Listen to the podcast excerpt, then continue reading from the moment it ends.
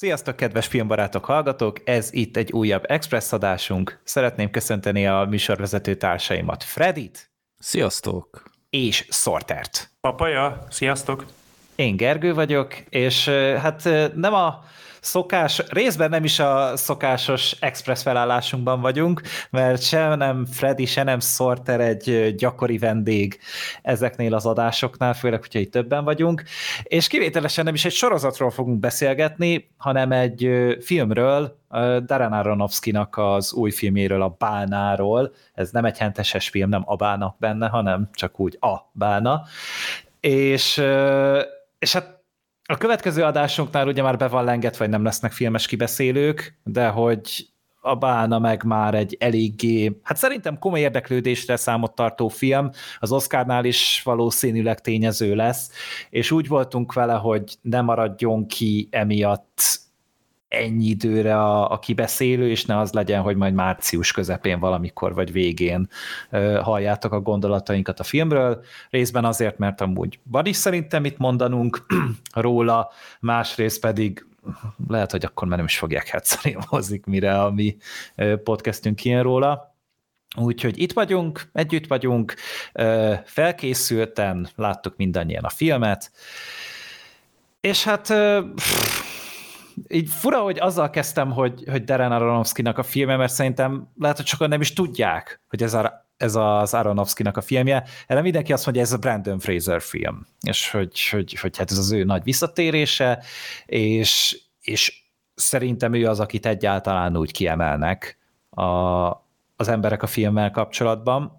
Hát a Pankrátorral lehet párhuzamokat vonni. Ugye az Igen. volt hasonló, majd, hogy nem ugyanez a szisztéma, hogy egy letűnt kornak a nagy színésze, aki ugye akkor volt ugye a Mickey Rourke, és hát ugye majd, hogy nem a Brandon Fraserről ők hasonló cipőben jártak, volt egy gyönyörű, szép, virágzó korszakuk, aztán szépen lassan besüllyedtek a B kategóriába, aztán a B kategória alá, és Aronofsky érkezett és jött és győzött, Hát Rurk egy olyan pályát tudott a Pankrátor után, hogy igazából voltak utána jó szerepei, ugye a Pankrátorral kapott egy jelölést ugye az Oscaron, sajnos a díjat nem vitte haza, és azt követően voltak jó szerepei, de neki sajnos nem sikerült visszakapaszkodni az alkategóriába.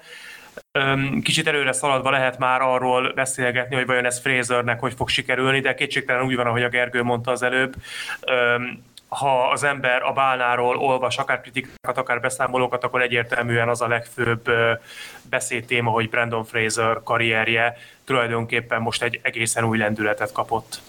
Hát igen, ő ugye az utóbbi időkben, egy kötőjel, kettő évben úgy elkezdett visszakapaszkodni, és egyértelmű, hogy ez az a film, ami valószínűleg egy színész számára egy csúcsot jelentheti a művészete szempontjából biztosan. Nyilván anyagilag, tehát az egy, egy barvel szerepet kéne elvállalni, és negyedjére kéne eljátszani a főszerepben, hogy annyi pénzt kapjon, hogy, hogy ott, ott legyen a nagyokkal, de szerintem Fraser már megjárta ezt, tehát ő így a múmiával, meg a stb. már volt az a blockbuster színész, aki föl, föl markolja a nagy Zsozsót, és valószínűleg szerintem még mindig van amúgy pénze, és nem hiszem, hogy olyan komoly anyagi gondjai lennének, úgyhogy ő inkább ö, válogathat már olyan szerepek között, ami úgy megfelel az ők is. Most meg főleg. Lelki világának. Az meg, az meg tény, hogy, hogy igen. Ezek ez után majd igen. tesz neki. De ti amúgy hogy álltok Brandon Fraserrel? Mert én bevallom őszintén, én szerintem egy kezem meg tudom számolni, hány filmet láttam vele. Tehát az első múmiát láttam. A másodikat is szerintem. Nem láttam. Nem Gondolom, láttad én, a második én, ne, én az elsőtől se voltam Lord of the Jungle-t, az őserdőhősét. Azt láttam, a, a bájkeverőt láttam, most a bálnát, meg szerintem ezt az SMN zacit, amiről ugye beszéltem, ez, ez egy hát nem túl ismert. Hát meg a Rottweilert, ugye ott volt a spanyol Brandon Fraser. Meg, meg az, üt, az ütközésekben, nem? Abba, abba ütközésekben is, hát ott egy jó, egész kis Jó, akkor hat, hat filmet lesz. És a Népakarat a filmünk, az érzelmek tengerében. Ja, akkor hét. Volt. És a csendes amerikai. Azt nem láttam Azt szerintem. nem? Hú, pedig az is egy drámai szerepe volt a 2000-es évek elején a Michael Caine-nel mm-hmm. játszott együtt. Az egy jó film egyébként. És a bolondos dallamok film. A bolondos dallamok. Hell no, nem. Nem? Nem. Hm. Tehát, nem, valahogy az, sosem, lehetett látni itt ott. Sosem állt olyan nagyon Kőbunkó. közel hozzám. Kőbunkót? Ja, várja, lehet, hogy azt is láttam. Póli sorral volt benne, meg a Sean Austinnal. Ja, igen. Amikor abban az üvegházban voltak, nem? Vagy... Ö, nem, ja, nem, nem, ja, nem az a... ember. Akkor lehet keverem. Nem tudom, de minden esetre nem mondanám azt, hogy, hogy a leg jobb korszakát úgy nagyon megértem volna Brandon Fraser, tehát amikor mindenki a nagy visszatéréséről beszélt, hogy jaj, de jó, hogy visszatért, akkor én kicsit semleges voltam, hogy én, én nem voltam soha odaérte, nem utáltam őt, egy színész volt a sok közül, de határozottan azért el tudom mondani, hogy ebben a filmben alakította legjobban abból a 7-8-ból, amit láttam, és közte volt a kőbunkó, meg a bájkeverő, meg hát, őserdő hőse. Ezek egyébként mind szerintem tök jó filmek, amiket most felsoroltál. Én, én szeretem őket, a bájkeverőt főleg, az szerintem egy nagyon vicces film, nagyon eredeti ja. ötlettel. Ja. Én, hogy én is gyorsan válaszoljak, én Brandon Fraserről Brandon Fraserrel kapcsolatban mindig is úgy voltam, hogy én, én nagyon bírom őt, nagyon, nagyon szimpatikus fickó, és nagyon kedvelem is a legtöbb filmjét.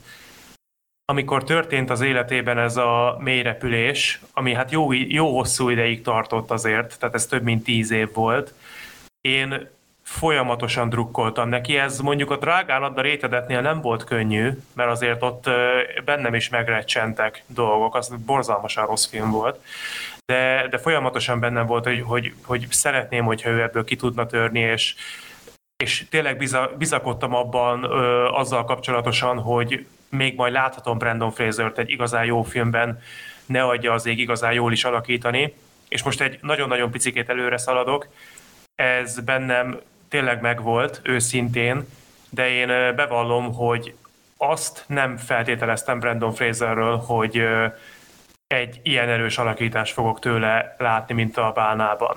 Tehát ezt nem gondoltam, hogy ő ilyenre is képes. Szerintem úgy általában nem feltételezzük a legtöbb színészről, hogy ennyire mélyen bele tud merülni egy, egy szerepet. Tehát, tehát azért igen, igen, vannak jó színésznek, vannak színészek vannak, fantasztikus színészek. Hollywoodban, meg nyilván Hollywoodon kívül is úgy általában a színészi rétegben, de nagyon-nagyon kevesen képesek arra, hogy ennyire nem is tudom, én, egy kicsit úgy éreztem, mint hogyha egy ilyen ismerős lenne, így a film végére a Charlie-ról erről a karakterről, és ez főleg a Brandon Frasernek ez a nagyon emberi alakítása tehát az ő alakítása tette ezt lehetővé.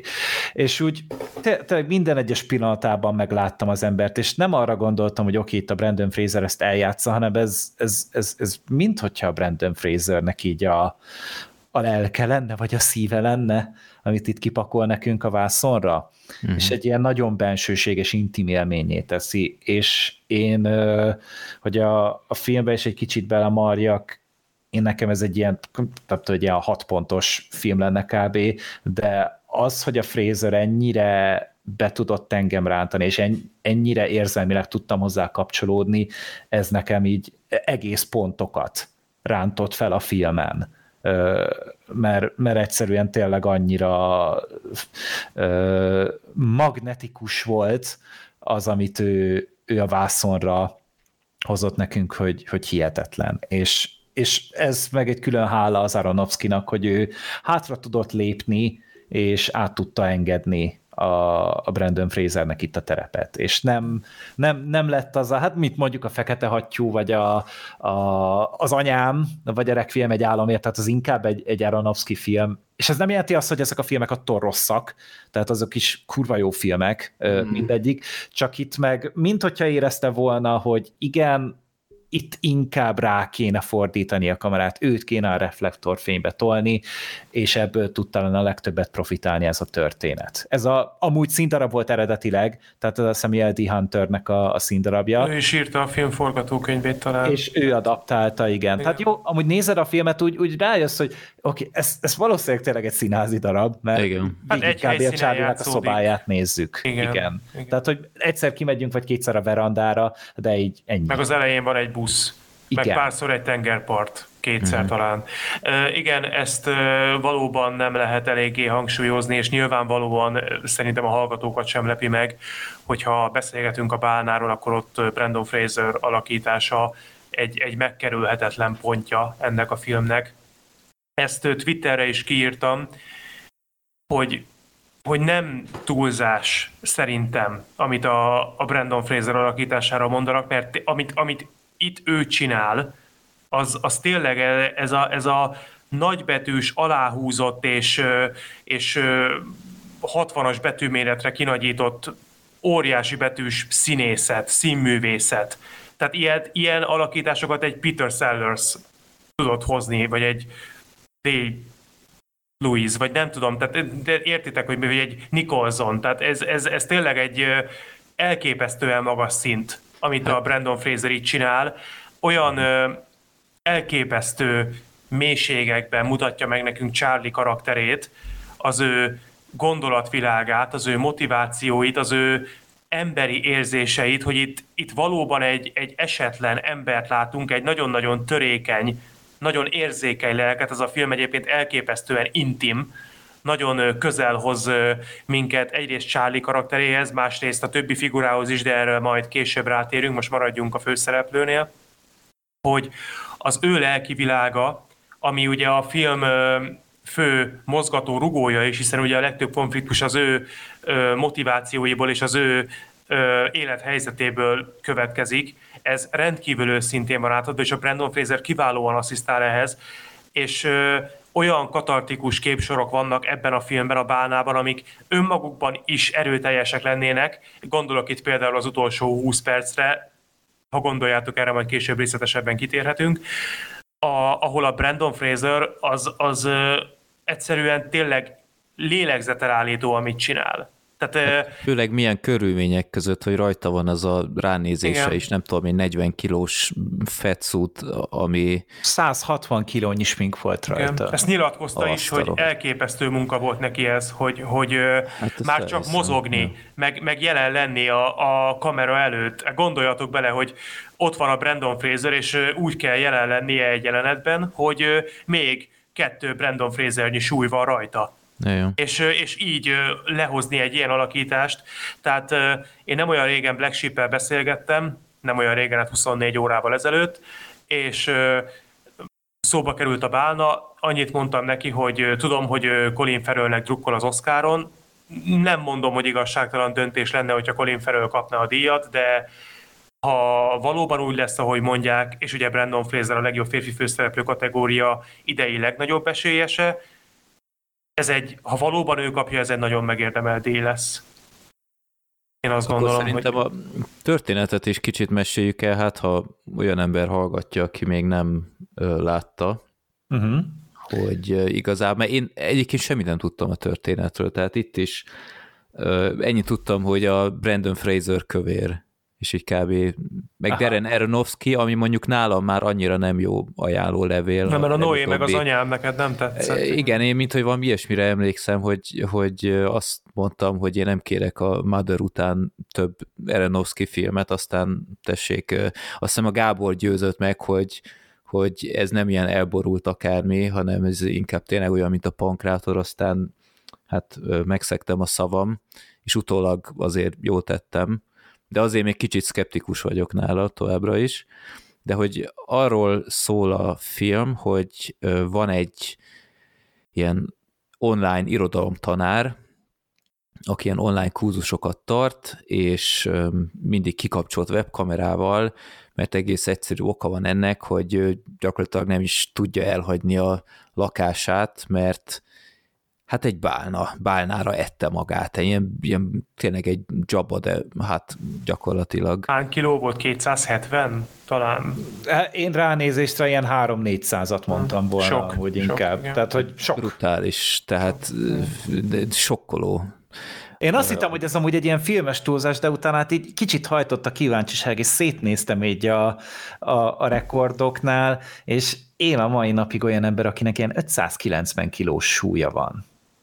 Hát ilyenkor szokott az lenni, ha kórházba kell vinni, akkor kibontják a falat. Igen. Igen, hát meg teherautóval viszi. Így, igen, igen, hogy, igen.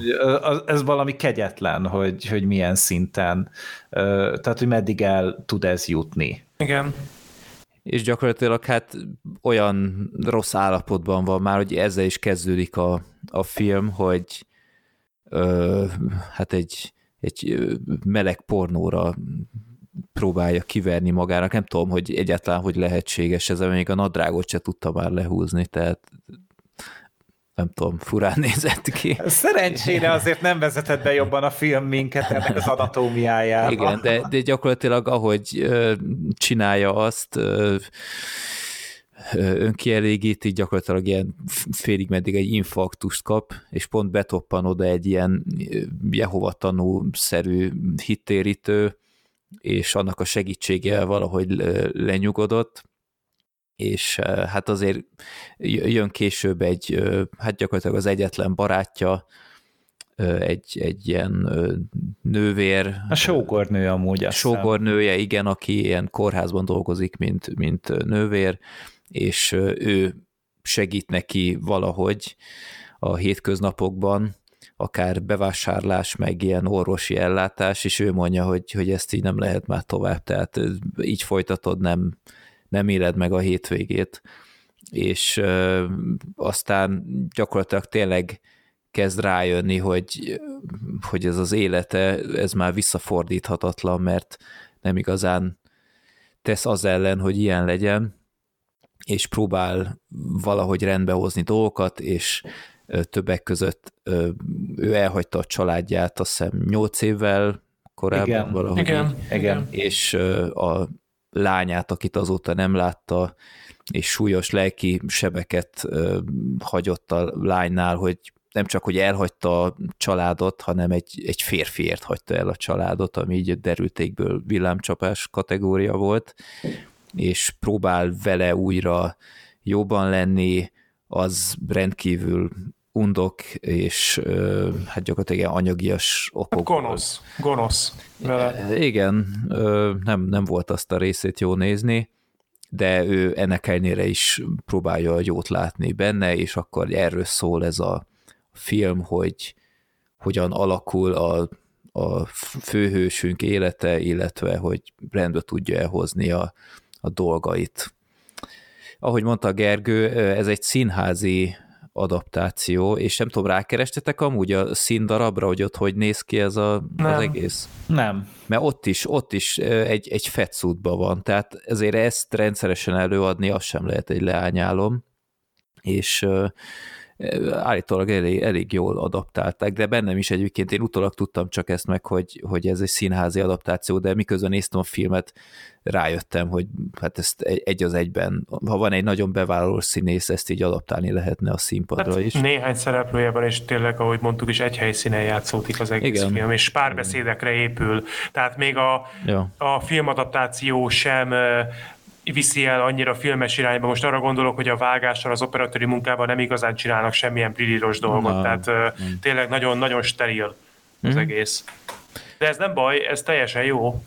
Igen, ja, nem, nem kell, hogy mindig ilyen extravagáns helyszíneken játszódjon, így is szerintem működött. Pár embernél olvastam, hogy kicsit vontatottnak érezte, én, én ezt nem tudnám viszont mondani, szerintem elég pörgős volt. Hát most nem akarok nagyon előre szaladni, úgyhogy nem tudom, hogy most reagáljak erre, vagy majd később. Hát reagálj nyugodtan.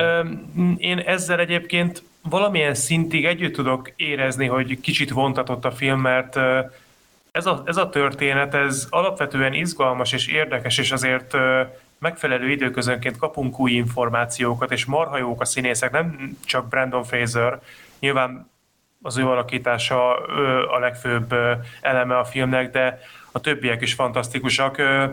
Sajnos nem fog eszembe jutni a hölgy neve, aki az ápolónő, akit szintén jelöltek Oscar díjra, legjobb női mellékszereplő kategóriában, ő is például piszok jó. Nagyon-nagyon erőteljes jeleneteket kapott, és rendkívül átérezhetően megfogja a maga pillanatait. Kicsit én is repetitívnek éreztem egyébként a filmet, tehát itt körülbelül a első 40 perc után az volt az érzésem, hogy oké, okay, ez nagyon őszinte, nagyon érzékeny, nagyon átérezhető, de kb. ugyanazokat a köröket futjuk. Hát jobban, jobban kifejti azt, amit az első 40 percben Igen. láttunk, de mindig újra meg újra elővéve azt. Tehát ebben mondjuk igazad van, hogy hogy kicsit repetitív Nem igazán volt. megyünk előre azokban a jelenetekben, de ez, ez sem gond, mert egyébként amit látunk, azok, azok a jelenetek marha jól vannak megrendezve és előadva, csak a cselekmény úgy kicsit toporog egy helyben, ami viszont nekem nagyon megdobta, és erre utaltam már az imént, az számomra az utolsó 20 perc körülbelül, ami egy ilyen elképesztő érzelmi lavina, ami ott történik, főleg a finálé. Az, én, én bevallom őszintén, én, nekem ott azért a könnyem az előjött. Tehát azt azért nehéz megállni szerintem, hogy az ember ne érzékenyüljön el. De átengedem a szót, mondjátok el ti is, hogy mit gondoltok erről. De nekem is volt a taknyom a végére, Igen. tehát hogy, hogy ugye az a... Olyan, az, az, az idáig azért nem mentem el. Az az utolsó monológ, tehát hogy én, én ott remektem basszus, te, teljesen készen voltam. Mondom, Nagyon így, erőteljes. Egyszerűen az a az, hogy a, ezzel, ezzel az egész végül is a karakter reagál a, fina, reagál a fináléra, és ugye én így, így végig én tudtam sajnálni végig a karaktert, és igen, nagyon könnyű ezt lesöpörni, hogy ja, izé, most mit sajnáljam, hát magának csinálta, és csak magának köszönhet, és ez csak az ő hibája, igen, meg lehet ezen a szinten ragadni. De én inkább így folyamatosan ezen szörnyűködtem, hogy, hogy oké, okay, hogy te így ezt észre feléred, hogy te ezt nem csinálnád meg magad, de képzeld hogy történik veled valami olyasmi, hogy, hogy már nem érdekel téged az, és nem tudsz ennek gátat szabni. És addig, addig, addig ö, folytatod ezt az életmódot, ahogy, ahol eljutsz oda, mint a Charlie, hogy 210-es a izé vérnyomásod, és hogyha rákeresel Google-be, akkor az nagy piros betűkkel szól neked, hogy figyelj, mentőt hívjál kurva gyorsan. És, és az, hogy, hogy valaki ennyire gyűlöli magát, és ilyen szinten nem tud már foglalkozni a, a saját igényeivel, és nem tud azért tenni, hogy csak ő jól legyen, mert igazából egész életedben ez az egyetlen egy feladatot, hogy te jól legyél. Tehát, hogy így, így ez az, ami végig kísért téged az egész életeden. És igen, utána később becsatlakoznak mások is, de folyamatos fókuszban neked kell lenned. És, és Charlie ezt eljutott odáig, hogy, hogy már ez se érdekelte és én kurvára szomorú voltam tőle. De értettem, hogy mi a probléma, tehát hogy a film meg nagyon jól érzékelteti. Ö, nagyon jól átadja szerintem azt, hogy, hogy ő ezt miért érzi, és hogy ez mennyire része a személyiségének. Tehát az, hogy mindenért bocsánatot kért például. Tehát ez a bocs, hogy élek, tehát hogy amikor már rászólnak, hogy, izé, hogy ne kér bocsánatot, azért is bocsánatot kér. Igen, amikor mondja neki az hogy Bazd meg, még egyszer azt mondod nekem, hogy bocsánat, akkor leszúrlak ezzel a késsel, komolyan. és, és, és az például, az így annyira a helyén volt, és én emiatt például nem is tudtam unatkozni a filmen, mert így folyamatosan érdeklődésen néztem azt, hogy, hogy mi az, aminek így fontos az élete vége felé, tehát hogy tényleg nagyon-nagyon rossz állapotban van, és hogy mi az, amivel esetleg feloldozhatja saját magát, vagy mi az, ami, ami végül is megadja neki azt a, azt a végső lökést, hogy oké, okay, ez az utolsó pillanatom az életben. És hogy ő ezt az egészet hogyan fogja tudni feldolgozni, és körül, a körülötte lévők ráadásul erre hogyan fognak reagálni. És emiatt engem amúgy végig lekötött ebből a szempontból a film. Az nagyon érdekes volt, hogy hogy egyáltalán, hogy ilyen nagyon intim betekintést láthattunk, hogy milyen egy ember élete, aki ennyire menthetetlenül kövér. Tehát oké, okay, hogy láttunk már ilyet itt-ott olyan riportokban, de én nem tudom, én nem nagyon emlékszem, hogy láttam volna valaha is ilyet, hogy hogy tisztálkodik az ilyen ember, vagy, Aha. vagy hogy micsoda hihetetlen erőfeszítés egyáltalán, hogy fölkeljen a kanapéból, és, és ha tesz két lépést azzal a, nem tudom én, elefántot is elbíró ilyen járókerettel, akkor, akkor már is ömlik róla a verejték, meg ilyenek, és, és ilyenkor jön rá az ember, hogy te úristen, tehát tényleg itt, itt egy lépés ezeknél az emberek olyan olyan erőfeszítések, mint nem tudom én, mi 10 percet sprintelnénk. Igen. És Hát vagy, tudom, vagy, vagy vegyél a nyakadba valakit például, és te Igen. próbálj meg úgy felkelni a kanapéról, tehát hogy, hogy felejtsd el. Tehát, Hát, vagy, vagy, vagy milyen az, hogy egyáltalán csak lejtesz valamit, és nem Igen. tudod egyből azzal a karral, ami mindig ott van a járókeretednél fölvenni, Igen. hogy milyen leküzdhetetlen probléma ez egy ilyen embernek. nem tudsz lehajolni. Igen, igen, tehát hogy igen. ez valahol iszonyat sokkoló, de, de lenyűgöző is volt, mert, mert én, mint nem túl kövér ember, én soha nem küzdök ilyen problémákkal, és uh, tényleg sokkoló volt, és, és látszott amúgy, hogy ez maga a színésznek is egy, egy komoly kihívás ebben a ruhában, és, és átjön az egész. Tehát Igen. nem, nem, nem ilyen gagyimamás a, az egész És hát nem tudom, nem tudom, hogy azt olvastátok-e, talán azt hiszem, hogy Brandon Fraser mondta ezt, hogy hogy nem az túlzás talán, hogy, hogy megtámadták ezzel a filmet, de voltak ilyen ellenhangok, akik azt mondták, hogy jó, de most ez egy annyira szűk réteg, hát annyira kevés ilyen ember van, aki ennyire ellene hízva, hát nem látunk ilyeneket, és hát erre mondta, azt hiszem, azt hiszem, hogy Brandon Fraser mondta erre, hogy igen, mert hogy ezek az emberek, ezek nem mennek ki az utcára. Ezeket az embereket nem látjuk. De hogy ez egyébként egy rohadtul ö, súlyos, nagyon-nagyon fontos probléma, amiről ez a film beszél, mert ez a globális mértékű, drasztikus elhízás, ami gyakorlatilag kis túlzással, de minden egyes országot Hát érintő. egy népbetegség. Igen, ez egy, ez egy rendkívül fontos probléma, és a film nagyon szépen mesél erről, hogy persze, hát ennyire szélsőségesen elhízott embereket nem látunk, mert ezek az emberek nem tudnak kijönni a házukból, tehát ezek nem fognak az utcán veled szembe jönni, mert konkrétan menni sem bírnak, és ez, ez nagyon megrázó, nagyon-nagyon szomorú, és külön tetszett a filmben, hogy bár a Charlie egy neki is megvannak a hibái, őt is lehet utálni, és a film egyáltalán nem próbálja meg úgy beállítani, mint hogy egy szent lenne, de azért a játékidő nagy részében nagyon szimpatikusan viselkedik, nagyon szerény, nagyon kedves, nagyon jámbor, de neki is megvannak azok a pillanatai, amikor főleg a saját kinézete kapcsán előjönnek ezek az érzések. Tudjátok, mikor például a, a hát nem pap volt, hanem azt a prédikátort, amikor leoltja, mm. hogy szerinted én szeretnék találkozni a volt szerelmemmel a túlvilágon, hogy lássa, hogy mi lett belőlem, hogy hogy nézek ki. Az azért eléggé megterhelő pillanat volt az a néhány perc. Igen, és amúgy így van, van egy erős ö, valláskritikai éle is a filmnek szerintem, tehát hogy abszolút nem egy pozitív ö, fényben állítja be, és ez, ez érdekes így az anyám után, ami meg ugye kb. egy ilyen ö, bibliai parafrázis volt. Úgyhogy Hát Meg a Noé is. az, az meg a másik. Hogy, hogy, hogy az Aronofskynak így nagyon furcsa izé, kapcsolata lehet a hittel. Igen, ezt érdemes lenne általában- utána nézni, hogy Aronofskynak milyen kapcsolata van a vallással egyébként. Hát mondjuk ezt nem ő írta, tehát Hát de azért nem véletlenül vállalta el a filmet. Tehát ugye itt, lehet. tehát hogy, hogy korábban, ugye már egyszer meg akarták próbálni ezt adaptálni, és már nem tudom megmondani neked, hogy ki volt az első rendező, de hogy akkor még a James Corden nézegették a főszerepre. Tehát Jézusom. így azt képzeld el, hogy, hogy volt, volt egy ilyen kezdeményezés.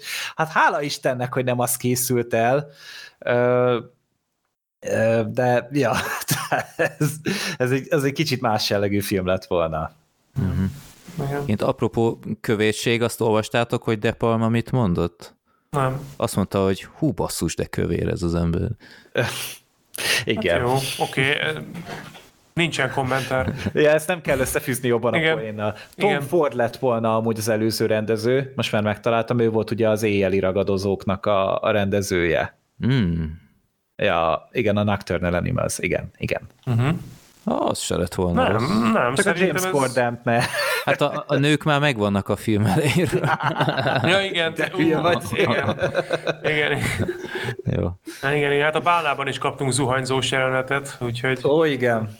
Igen, Ó, meg hát egy, egy bottal tisztálkodott, amin ilyen nagy szivacs volt, de igen, szóval tényleg itt le, lehet látni pár ilyen jelenetet, hogy egyszerűen nem, nem, nem érti az ember, hogy hogy tudnak ezek kakálni, vagy, vagy pisélni, vagy valami. Tehát, hogy esélytelen, hogy egyáltalán becélozza a lyukat a klotyón. Hát ülve, tehát, hogy az csak úgy, hogy, hogy úgy valahogy megpróbálja felmérni. Hát tehát figyelj, ugye, mondta ilyen, is a filmben, fenék. hogy nem volt még aznap pisilni egyáltalán. És De figyelj, nagyon... ilyen, ilyen fenéknél egyáltalán az, hogy kinyomja, hát olyan egy, egy csomagnyi nedves törlőkendő kell, amit nem tud, nem tud elérni, tehát ott, ott folyamatosan ilyen, ilyen sebek lehetnek, vagy én nem. Ezt mondta is, hogy a, az egész testén kelések vannak, meg fekély. Felfekvések. Felfekvések, igen, hogy a hátán van egy óriási nagy barna folt. Ja. Hát meg penészedik a, a bőreinél Igen, a, redő, a, a redők. Tehát így, úristen, Igen. tehát hogy en, ennél rosszabbat így, így nem, és így fontosan erre gondoltam, hogy basszus, milyen büdös lehet abban a lakásban amúgy. Ezt írja Igen. is a lánya. Igen, igen. igen, utána egy szóvá is teszik, és úristen. Tehát, igen, hát itt ezt örültem, hogy nem 4DX-ben néztem mondjuk. Mert... Ebből egy nagyon hardcore 4DX élmény lenne. Igen, és amúgy ez, ez nagyon érdekes a Vánában, hogy egy éles kontrasztot ad a film, mert amit nézünk, és amit látunk, az rendkívül taszító. Ezek miatt, az okok miatt, amiket elmondtunk, hogy tényleg rossz nézni, és nem csak érzelmileg, hanem hát fizikailag is rossz nézni ezt a történetet, közben meg egy annyira, annyira őszinte érzelmi töltete van, ami meg rendkívül erős módon bevonz. És ezzel egy ilyen nagyon-nagyon érdekes ambivalens környezetet teremt a történet, de például engem ez nagyon bent tartott, hogy egyfelől idegenkedek az egésztől, és próbálnék úgymond szabadulni, mert, mert tényleg rossz nézni ezt a szenvedés történetet, amin a Charlie végig megy, de közben meg rohadtul érdekelt, hogy hova fog kifutni ez az egész, és hogy hogyan fogják lezárni ezt de a cselekményt. Fő, főleg azért, mert nem ön célú szerintem. Igen. Tehát, hogy az, amit hát mutatnak, hogy nem, nem azért rakta ezt be az Aronofsky, hogy csokkoljon minket, mint mondjuk ami az anyámnál ugye azért elő, előfordulgatott, hanem, hanem igen, vannak ö, radikális, vannak olyan dolgok, ami eszedbe se jutna, de hogy így nézed utána, hogy valószínűleg igen, ez része a Charlie-nak a hétköznapjainak. És és ettől működik szerintem a, a film. Tehát részben ez a hangulat, vagy ez a mentalitás, ami körüllengi, meg ugye a Brandon Fraser. Meg Igen. nyilván többi színész is amúgy tök jó a filmben, tehát ugye már mondtad az ápolót, ugye a Liszt, ugye a Hang Chao-t, meg ugye a lánya. A lánya is iszonyú jól játszik, a, az ugye nagyon-nagyon ambivalens érzés volt, mert én nekem az ő karakter volt így kb. a negatívum, tehát hogy szerintem kibírhatatlan volt. Hát igen, igen, nagyon, tényleg. De a színésznő az meg a Stranger Things-ből, mm-hmm. tehát ugye ő, ő játsza a Maxet. Egy csomó ideig gondolkodtam, hogy ez ő vagy nem? Mert... Ő az, ő az, csak ugye hát kicsit sötétebb a haja, de ő játszott, és óriásit játszik ő is, tehát hogy nagyon-nagyon jól csinálja, csak én nekem a történetben való elhelyezésével voltak gondjaim. Igen. Tehát, hogy én tehát, hogy ez a film így megpróbálja beállítani ezt a amúgy démonian gonosz gyereket, tehát, hogy ez, ez valami felháborítóan rossz indulatú lány volt, ahogy posztolta ezeket a szörnyűségeket igen, az apjáról. hát mindenkinek ártani akart, direktbe, szándékosan. De, igen, de hogy a film a legvégén meg így, így elkezdi mentegetni. Nem, nem, ő segíteni akart. Ő, ő azért küldte el a, fi, a hittérítő fiúnak, a szüleinek azt a felvételt, hogy, hogy a fiú utána hazamenjen. Mm-hmm. Nem, hagyjuk már. Igen, Ö... ezt, ezt a részét én se kajáltam be. Ez Egyszerűen csak jó, volt. csak jó sült el, de igen, tehát én, én ott nem éreztem ilyen bármiféle jó szándékot, hanem egész egyszerűen egy, egy nagyon veszélyes gonosz troll. Igen. Itt, akkor én most megfogalmazok egy ellenvéleményt. Szerintem én, én nekem a filmből az jött le, hogy maradjunk ennél a példánál, amit mondtatok, ugye a hittérítős ráccal kapcsolatosan. Az, hogy ez egy jó cselekedet volt, és hogy a, hogy hívták a lányát? Nem, Eli. Eli, köszi, hogy az Eli ezt direkt azért csinálta, hogy majd a srácnak jó legyen a jövőben, nyilvánvalóan nem ezért csinálta. Tehát nyilvánvalóan ez, ez nem jó szándékból történt, hanem ez egy, ez egy gonosz dolog volt. Javítsatok ki, a rosszul emlékszem, de én nekem úgy dereng, hogy a filmben azt a nézőpontot, hogy ez tudatosan egy jó cselekedet volt, az csak a Charlie mondja. Én úgy emlékszem, hogy a filmben vannak is ellenvélemények.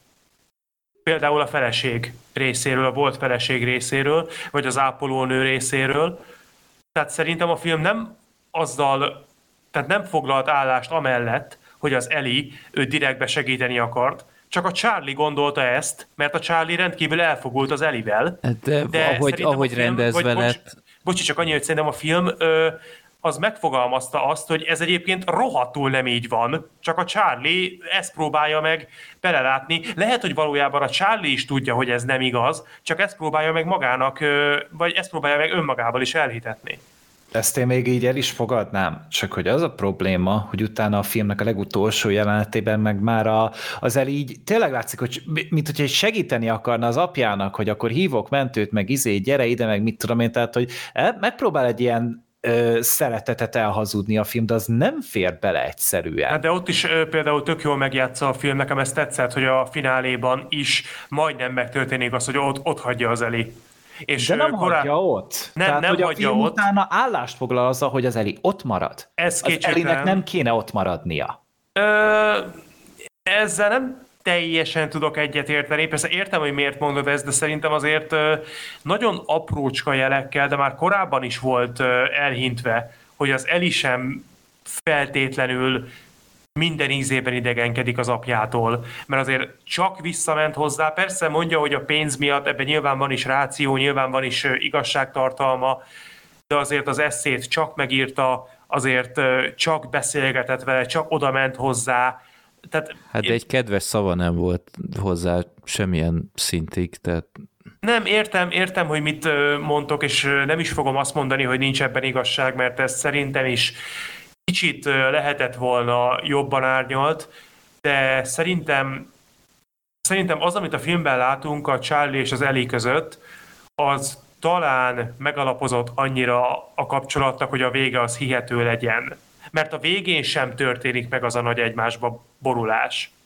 Az de. a végén sincs. De szerintem pont, hogy megtörténik, mert hogy a Charlie az tényleg úgy megy, hogy jaj, végre sikerült rendeznem a lányommal a kapcsolatomat. Hát lehet. Én, lehet. Én, én úgy értelmeztem, de hogy igazából így, hogy, hogy ugye ez a amit ugye a hitérítős ráccal csinált, ott ugye így erre, erre húzták ki, hogy de hogy ő törődik az Elias törődik az emberekkel, és ezt húzták alá azzal, hogy az apjával is törődik, azzal, hogy, hogy még ott a végén izé mentőt akar hívni, annak ellenére, hogy nem akarja a Charlie, de hogy, hogy, hogy az Eli úgy gondolja, hogy ő jobban tudja, és hogy én akkor is segítek az apámnak, hogyha ő ennyire hülye hogy ő már nem akar élni. Hmm. És, és ezáltal én nekem ez egy nagyon-nagyon ambivalens és ellentétes dolog. Ezt lehetett volna árnyalni azzal, hogy, hogy itt olyan kilenc guztustalan mocskos izé beszólás közé egyetlen egy kedves pillanatot mondjuk berakni. De nem. Tehát az, hogy benyugtatózza az apját ott például a, az egyik jelentben, fogalmam sincs, hogy miért csinálta amúgy.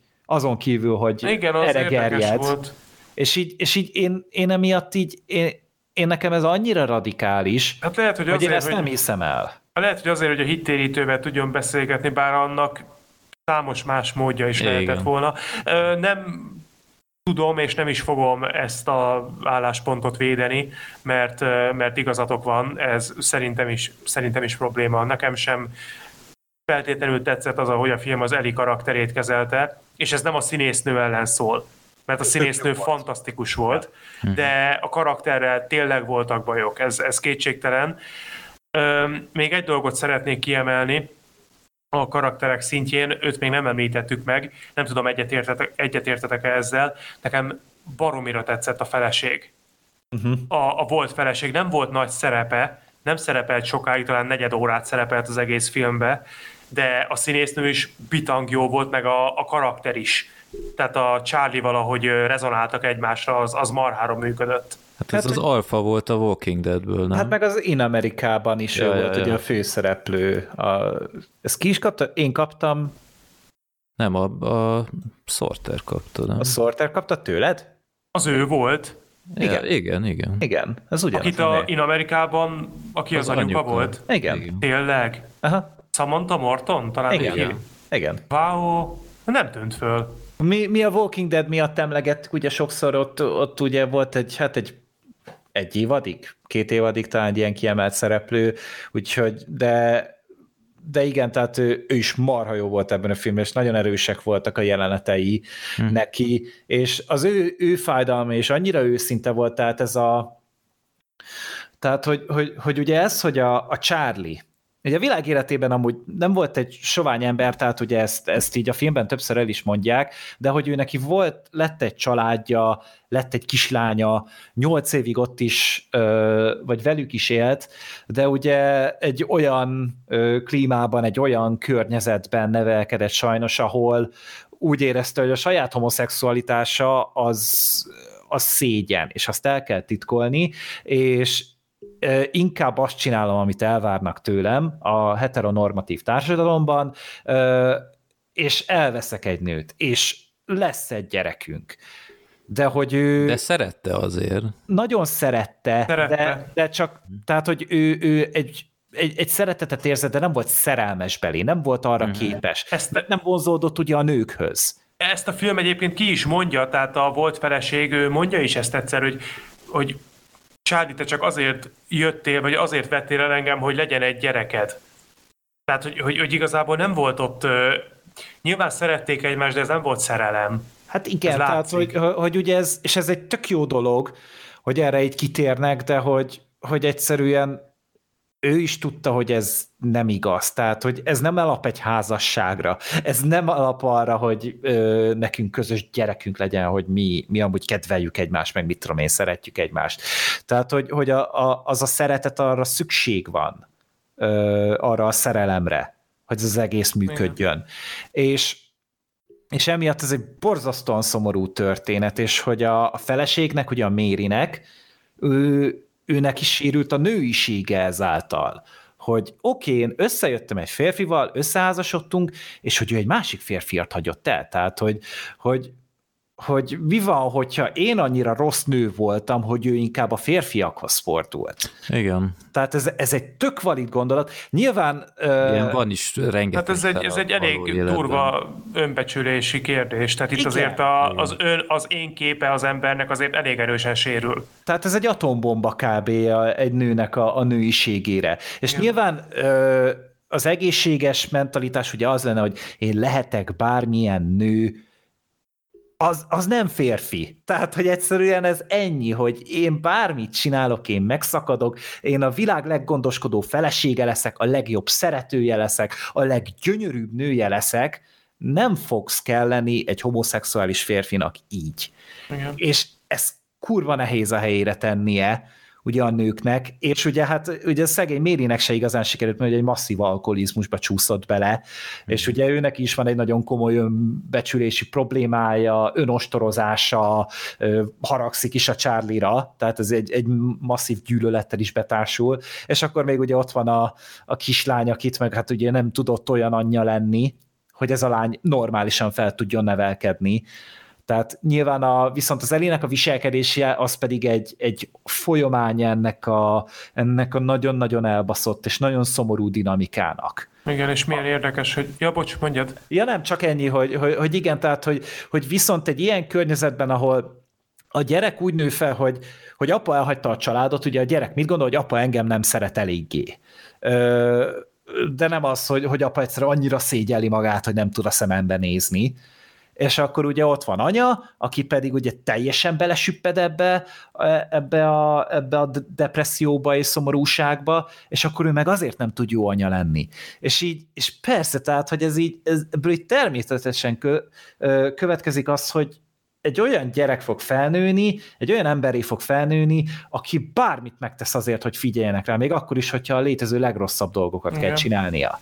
Igen, és a film nagyon szépen bemutatja, hogy ennek, a, ennek az egész helyzetnek, ami kialakult ebben a családban, ennek az lett a következménye, hogy tulajdonképpen a család minden egyes tagja az önpusztításba menekült.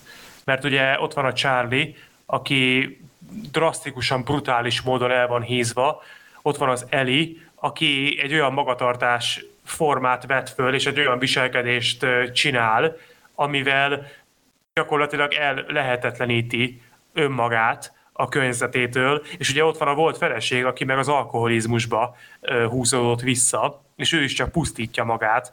Tehát, hogy tulajdonképpen mindenki ö, teljesen elvágta magát attól a aprócska kis reménysugártól, hogy ebből, ebből bármiféle pozitív dolog kisülhessen, és nagyon szépen építi a film erre az elég, eléggé elhalt vidékre azt a történetet, amiből mégiscsak kialakul valamiféle valamiféle kapaszkodó, tehát a, megbeszéltük, hogy, hogy spoileresen beszélgetünk a bálnáról, tehát elmondhatom, hogy ö, tulajdonképpen a bálna szerintem azért, egy, azért is egy nagyon jól működő film, mert rendkívül lehúz, nagyon-nagyon rossz nézni, tényleg, mert egy szenvedés történet, de nem, nem feloldozás nélküli.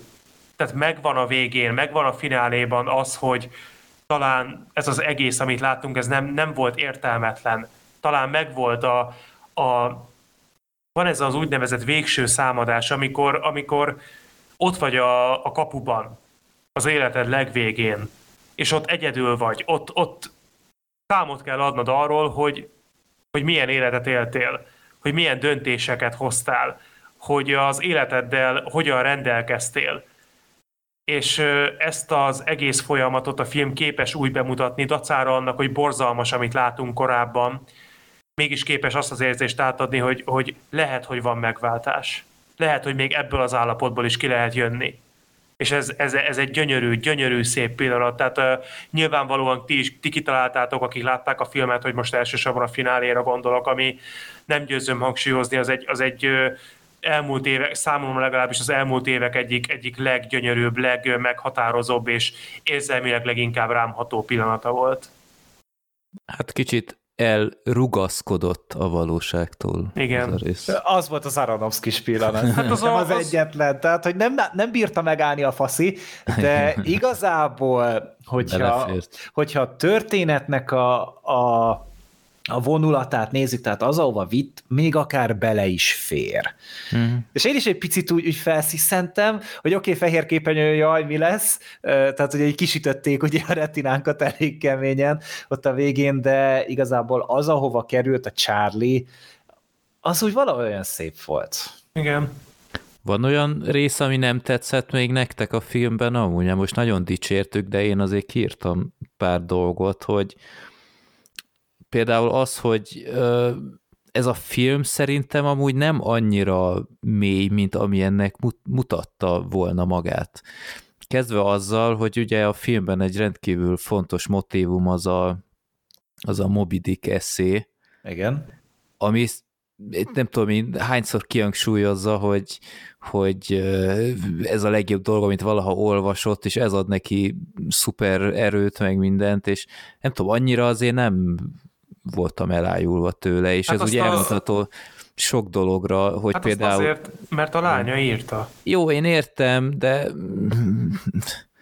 Jó. Nem, nem, ott nem, a, nem arról volt szó, hogy az ST volt annyira szuper, hanem hogy de, azt a lánya ezt, írta. Nem, konkrét az csak később derült ki. Tehát ő azt ne. többször is elmondja, hát dehogy nem, hát a, a, a, az, elején, az elején ugye fel kell olvasnia Tomásnak, és utána meg is kérdezik később, hogy miért, mert azt mondja, hogy, hogy talán ez a legjobb eszi, amit valaha olvastam. Freddy, és ez... mi, mi nézők későn tudjuk meg, de a Charlie tudja, hiszen elmondja a végén a lányának, hogy nem tudom, nyolc éve kértem meg édesanyádat, hogy küldje el. Jó, én értem, de Tehát akkor miért nem ezt mondja, de hát, miért nem ezt mondta akkor a, a, a Tomásnak? Hát mert ez egy privát dolog, mert ezt nem akarta kitelegetni, hogy ezt a lánya írta. Szerintem ez érthető emberileg. Igen, szerintem is ezt nehezen tudta így kifejezni, tehát hogy valószínűleg így a... Meg hogy ugye így ez ilyen kicsit ilyen tilosban kapta meg, ugye? Tehát, hogy elvileg neki nem kellett volna rendelkezni egyáltalán ezzel az eszével. Másrészt pedig ugye ez az egész bána vonulat, ugye mire vonatkozott, hogy, hogy ugye, hogy arról szólt az egész, hogy amiatt ö, jó, hogy hogy ugye ebben az a, a műben, hogy a Moby Dicket elemezte talán? Igen, igen, az igen. Eli. És hogy amikor így nem a Várj, miről szóltam úgy az eszét? Tehát, hogy az volt a lényege, hogy azt tetszik, azok a részek tetszenek neki nagyon, amikor a, a semmiről ír a szerző, vagy nem, azok a részek nem tetszettek neki, amikor a bálna Igen. haláltusájáról írt talán, de most javítsatok ki a tévedek. De és hogy volt egy elem, ami nagyon-nagyon megfogta az elit a történetben, itt emlékeztek, hogy miről beszélt? Hát Mert nem. Amikor a kapitány önmagát vadászta, vagy valami ilyesmi volt, hogy, hogy gyakorlatilag ő a bálna, akit üldözni akar, tehát hogy, hogy ez egy ilyen szimbolika az egész az Ahab kapitányra, de elég rég láttam, tehát nem tudom pontosan visszaidézni. Az a baj, hogy én sem emlékszem, de az a lényeg, hogy ugye az fogta meg nagyon, hogy az Eli egy olyan dolgot emelt ki a Moby Dickből, amikor a szerző elkanyarodott attól a megszállottságtól és attól az őrülettől, amivel ugye az éhebb hajtotta a Moby. És valószínűleg ugye ezt tetszett nagyon a Fraserben, hogy, hogy mi van, hogyha én is tudnék valamire fókuszálni, ami nem a nyomorom, ami nem az elhízásom, ami nem a depresszióm, ami nem a fájdalmam, és hogy valószínűleg ehhez tudott ő nagyon kapcsolódni. Ez volt az a rész, ami hozzászólt. Mert mire fogod azt mondani, ami a legjobb, amivel azonosulni tudsz, amiben meglátod saját magadat?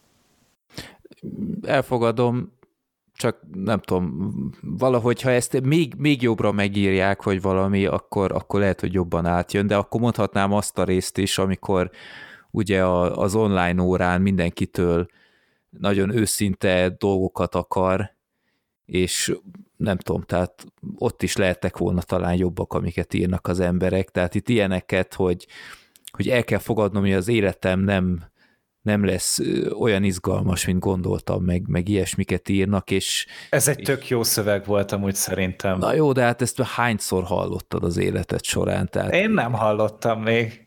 Akkor én, én már biztos kimondtam neked pedig pár A te életedről, vagy az enyémről? Egyik esetévennél amúgy. nem, hey. gonoszkodok. Nem, ne, én, én ezt még nem hallottam amúgy. Lehet, hogy mit olyan mémekben, vagy valahol belefutottam, kicsit ilyen falvédő szövegek amúgy, de nekem ez a gondolat például nagyon tetszett. Hát ilyen naptári bölcsességek Igen. voltak ott, nem tudom, ott sem voltam azért annyira lenyűgözve, mint hogy az Jó, de nem is, ez volt, nem is ez volt a központi témája amúgy a filmnek, tehát ez egy Tudom, mellékes szám világos, volt, szerintem csak, annak jó volt. Csak nem tudom valahogy, lehet, hogy csak amiatt, mert Erenovszkitól mást is várunk, csak nem tudom, valahogy a film az, az sokkal mélyebbnek próbálta szerintem sokszor mutatni magát, mint amilyen volt. Hát karakterdrámának szerintem elég a, mély. Igen, tehát nagyon lineáris amúgy, tehát... Meglepően lineáris. Igen. igen De egyébként meg... szerintem ez nem baj. Nem baj. Ez, ez, ez nem, nem gond. Nem baj, csak a filmnek mégis valahogy van egy ilyen sugallata, hogy ja, itt, itt másodjára micsoda ö, szimbolikákat fedezel fel, meg, meg mennyi mindent tanulhatsz sokszori nézése. Lehet, ja, a hogy... KFC például mit szimbolizál benne. Igen. meg de a három pizza. De egyébként az tényleg érdekes, hogy hogy maga a cím, hogy a bálna, hogy az, az mennyire sokrétű, hogy nem, nem csak a főszereplő testi alkatára vonatkozik ez a cím, hanem ennél például jóval mélyebb, érdemes utána olvasni, vagy utána nézni. Nagyon-nagyon érdekes értelmezések vannak, hogy ez pontosan ténylegesen mire is utal ez a cím, hát akár a film, eszére, akár a színdarabot. Hát igen, gondoltam még. Ja. Igen, az eszé, vagy ugye, a, hát igen, az eszé, meg ugye a Mobidikkel való párhuzam, az is ugye nagyon-nagyon szépen benne van. Nyilvánvalóan benne van ugye Charlie-nak az alkata, hmm. nyilván arra is utal a bálna. Tehát ez egy rendkívül részletes és tényleg jól kigondolt ötlet, úgyhogy például ezen a vonalon tök jó értelmezéseket lehet olvasni. Ezt egyébként adom, hogy de lehetséges egyébként, hogy azért rójuk ezt föl hibának, tehát nagyon érdekes lenne, érdekes lett volna pontosabban, megnézni a bálnát színdarabként úgy, hogy még nem tudjuk, hogy az Ar- Aronofsky ebből majd filmet fog készíteni. És úgy megnézni ezt a színdarabot, hogy mondjuk az Aronofsky féle rendezést nem képzeljük hozzá, mert én ö, élek a gyanúval, hogy ez a fajta többlet értelmezés, illetve erősebb szimbolika, mint elvárás, ez azért van bennünk, mert tudjuk, hogy az Aronofsky ült a rendezői székben, és tőle ez nem idegen. Lehet, persze. Igen. De meg mm, titeket egyébként ez a Tomászos történet a hittérítő sráccal, ez lázba hozott? Mert én, én bevallom őszintén az ő történetét élveztem legkevésbé. Nem zavart, mert nem szerepelt olyan sokat, hogy zavarjon. Szerintem hát érdekes volt Mindig újra meg újra felbukkant, és annyira nem éreztem, hogy most erre vagyok a legkíváncsibb. Hát az előfordulhat, de szerintem illeszkedett a történetben, mert végül is ő is egy ember volt, aki ugye valamilyen okból, de ugye segíteni akart a Charlie-nak. Tehát ugye az összes karakter tulajdonképpen azért volt jelen, hogy segítsen a Charlie-nak. Mert a Charlie-nak amúgy szüksége volt valami segítségre, csak senkitől nem fogadta el. Tehát, hogy ugye eldöntötte magába, hogy oké, én akkor meghalok. És ennyi. Igen, ezért az érdekes, hogy a film alatt is így filóztam, hogy ott van ugye a, a barátnője, aki, aki orvos is, és nem azt mondja, hogy figyelj, ez így nem mehet tovább, nem hozok neked már 8 tonnás KFC vödröket, mert csak segítkezek az önpusztításodban, de aztán egy idő után filóztam, hogy, hogy ez már az a szint érted, hogyha itt már nem tudsz salátával változtatni. És valószínűleg már, már évek óta túl van ezen. Ezt mondta is neki a nő, hogy, hogy ha tudjuk, hogy van pénzed, akkor, akkor elébe mehettünk volna az egésznek. Tehát, hogy akkor már korábban mm. meg tudták volna ezt a folyamatot gátolni. Nagyon. Azon a ponton, ahol a charlie van nem lehet már ezt visszafordítani, vagy legalábbis nagyon-nagyon nehezen. A, csak is azzal az eszközzel, hogyha a Charlie befekszik a kórházba, amit ugye folyamatosan elutasít. Igen, igen. Hát igen, de hogy ugye, tehát hogy ez az egésznek a lényeg, hogy csak azon lehet segíteni, aki szeretné. Tehát, hogy az, aki nem akarja, hogy segítsél neki, az bele szakadhatsz, akkor sem fogsz tudni neki segíteni. És hogy egyszerűen a Charlie, ő, ő ugye hát egy, egy nagyon-nagyon fájdalmas utat talált arra, hogy meghalljon. Tehát ez éveken keresztül kell ezen dolgozni, hogy, hogy olyan szintig fajuljon az ő elhízása, hogy ez már így életveszélyes legyen. Hát, most tudod, van, aki egy pisztolyhoz fordul, vagy meg, megmérgezi magát, vagy valami. Charlie meg hát ezt választotta, és de, de tényleg tök jól használták ezt a motivumot a filmben. Uh-huh. Meg mondjuk azt lehet mondani, hogy a, a nő, érted, akkor annyiban évekkel ezelőtt is segíthetett volna, hogy nem hozza ezeket a kajákat is, hanem tényleg ripsropsot hoz és salátát, de ugyanakkor akkor, ha nincs ott, akkor a Charlie ugyanúgy megrendeli a nyolc pizzát, ahogy teszi is a filmben. Uh-huh. Úgyhogy tényleg ez van, amit mondasz, hogy annak lehet segíteni, aki tényleg akarja. Tehát ezt, ezt látjuk most egyébként Ben Margeránál is, nem tudom, követed a drámákat ismét körülötte, hogy már a steve is feladja, mert egyszerűen nem, nem tud már ráhatni, hiába próbálkozik. Úgyhogy tényleg az akaraterő a legfontosabb az ilyen esetben, és már rég túl volt ezen. Uh-huh, igen. Egyébként a filmben van egy csomó olyan jelenet, ami így előre borítékolható, hogy meg fog történni.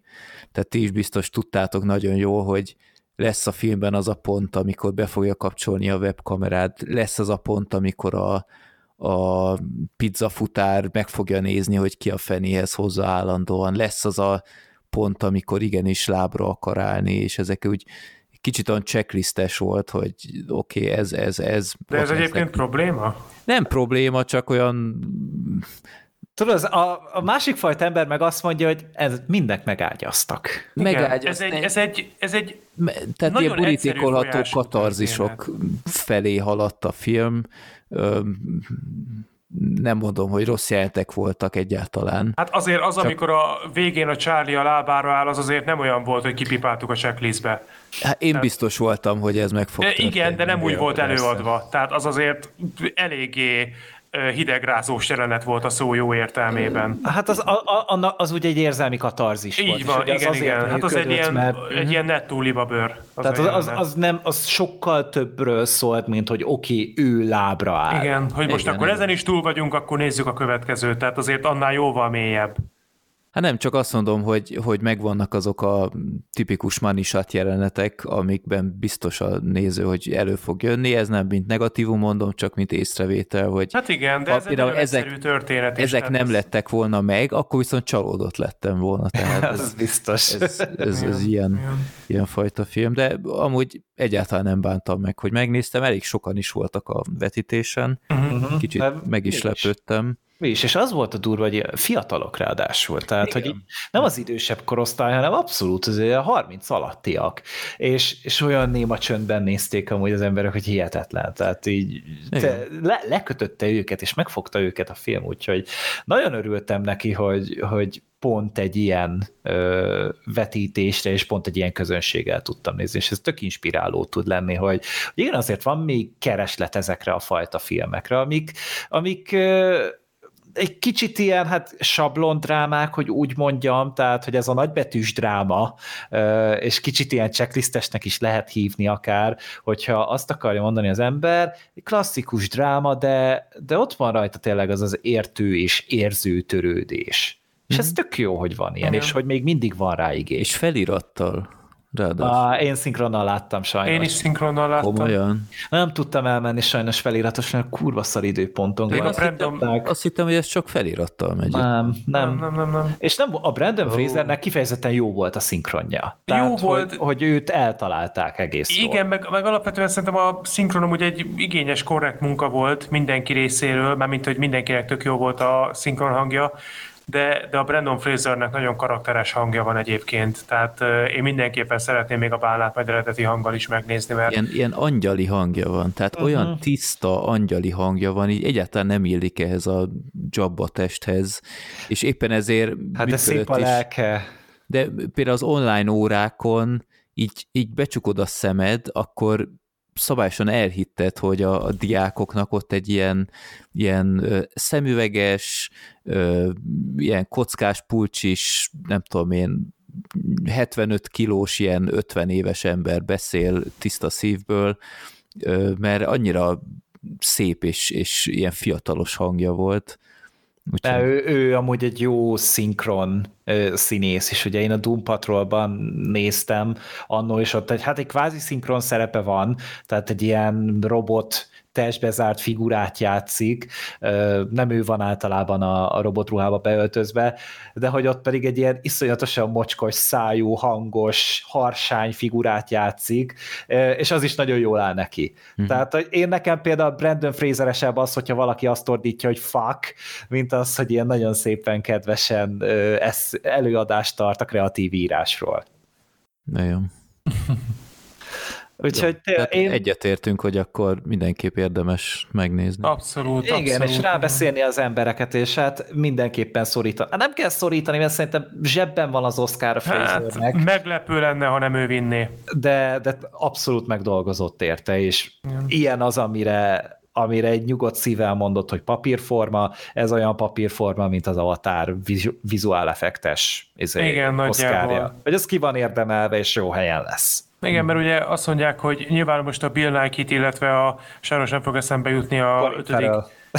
Nem őrá gondoltam, hanem van a valamilyen nyár, van a film címében. Nem ja, Paul Mescal. Igen, igen, igen. Nyilván ő is, ők is nagyon jók. A Bill Nike-nak külön örülök, hogy végre kapott egy jelölést. Bár én már a Shaun of the Deadért is simán jelöltem volna, vagy akár a vaskabátokért, mint mellékszereplő, de hát ez mellékes, de hogy uh, itt ugye a három fő esélyes, ugye a Butler, a Feller, meg ugye a Fraser, és Butlert láttam, Ferrelt láttam, most már Frasert is láttam, én úgy gondolom, hogy az se baj, ha Butler kapja, az se, hogyha Ferrell, de, de tényleg itt, itt nem falvédő duma, nem, nem túlzó nem túlzóak azok a kritikák, akik a Brandon Fraser-t az egekig emelik ezért az alakításáért, mert, mert tényleg minden dicséretet megérdemel, többek között az Oscar díjat is, én abszolút indokoltnak tartom, ha ő viszi haza, ez egy nagyon-nagyon jó döntés lesz, ha így történik, és maga a film is bőven több, mint amilyen, ami ennek a néző elsőre gondolná, gondolatokat ébresztő, van egy nagyon-nagyon erős mélysége, ugyanakkor befogadható egy, egy átlagos néző számára is, tehát ez nem egy művészfilm, ez, ezt nem kell nagyon-nagyon a mélységeikbe lehatóan értelmezni, nem, nincsenek benne szimbolikák, nincsenek benne metaforák, ez egy, ez egy nagyon-nagyon könnyen értelmezhető, rendkívül szép történet a válna, és én tényleg nagyon-nagyon jó szívvel tudom ajánlani az embereknek. Uh-huh. Simán. Ready? Egyetértek teljesen. Én se bántam meg a mozi egyet, én is mondhatni biztosra veszem a Fraser Oscar díját. és ugye szeretik mondani, hogy azért mennek ezek a díjak sokszor ilyen színészekhez, mert ott van rajta ez a testi elváltozás, ugye ezt szeretik csinálni akár a, a nem tudom, Charlie Steronnál annak idején, vagy a Dühöngő Bikárnál csinálta Bale. ugye ezt a Deniro Igen, például. de itt tényleg, tehát hogyha Dagi maszk nélkül is szerintem a Brandon Fraser simán hozza azt, amit ki kell emelni. Úgyhogy tényleg örülök, hogy az Aronofsky végre megint úgymond nekem készített egy filmet, és nem a, az elmebajosoknak. Csak nagy beszopasson a következő filmével, hogy most így, így, így kicsit megenyhültél, kicsit nyitsz felé, nem. és akkor a következő valami ilyen apám, ilyen nem tudom, Óvatos leszek még azért egy, lesz. egy, egy, jó ideig, de... Anyám igen. kettő, most ikrek születnek. Vagy anyáim. Igen. Ja. Jó, úgyhogy jóval hosszabb lett ez a kibeszélő, mint gondoltam de tényleg lehet erről dumálni. Nézzétek meg még mindenképp, adják mozikban, még elvileg, Oszkárig biztosan műsoron lesz azért, és én szerintem megyek a két emeletes pizzámhoz, mert azóta is megéheztem erre az étkezési módra. Csak tegyél rá egy plusz adag majonészt még létsz. igen. Ú, basszus, de rohadt nyomasztó volt az az evés. az nagyon. Tehát, hogy, hogy igen. Általában ugye az evést azt, azt nem így szokták ábrázolni, de ugye ennél a filmnél viszont, hát Aronofsky az egy kicsit sebességbe tette magát, és akkor elkezdte hogy megundorít, tehát így az undorodás folyamatát így mindenféle étellel, ami a hűtődben van. Hozzá, én megéheztem ott a moziban, azt kell mondjam. Na, a nachos mehettél volna, nem? Az a Beavis és Butthead, az más. Igen. Jó. Jó, úgyhogy ez lett volna a Filmbarátok Express bálnás kiadásunk. Öm, találkozunk akkor hamarosan a Filmbarátok 250-nél, ahol sajnos mód mégsem lesz zárt helyi, legutóbb ugye így ö, mondtam, de a Black Sheep nem tudta vállalni a rögzítést, és akkor filoztunk, hogy most nélküle legyen zárt helyi, vagy nem tudom, valahogy az úgy nem az igazi, úgyhogy akkor sajnos toljuk, valószínűleg az Oscar utánra, mert az is most már itt a nyakunkon van, úgyhogy akkor csak off-topic kérdések lesznek, viszont cserébe a Gábor elvileg lesz, de most már nehezen ígérek bármit is, mert úgyse következik be. Lesz, ami lesz, jó? Adás lesz, mindenképpen vala, valami, valami Valamit majd csinálunk, legfeljebb beszélgetünk még egyszer a bálnáról. Így ja. van, kérdések is már érkeztek rendesen, úgyhogy abból nem lesz hiány. Úgyhogy akkor még egyszer köszönjük szépen a figyelmet, és akkor figyeljétek továbbra is a csatornáinkat. Sziasztok! Sziasztok! Sziasztok!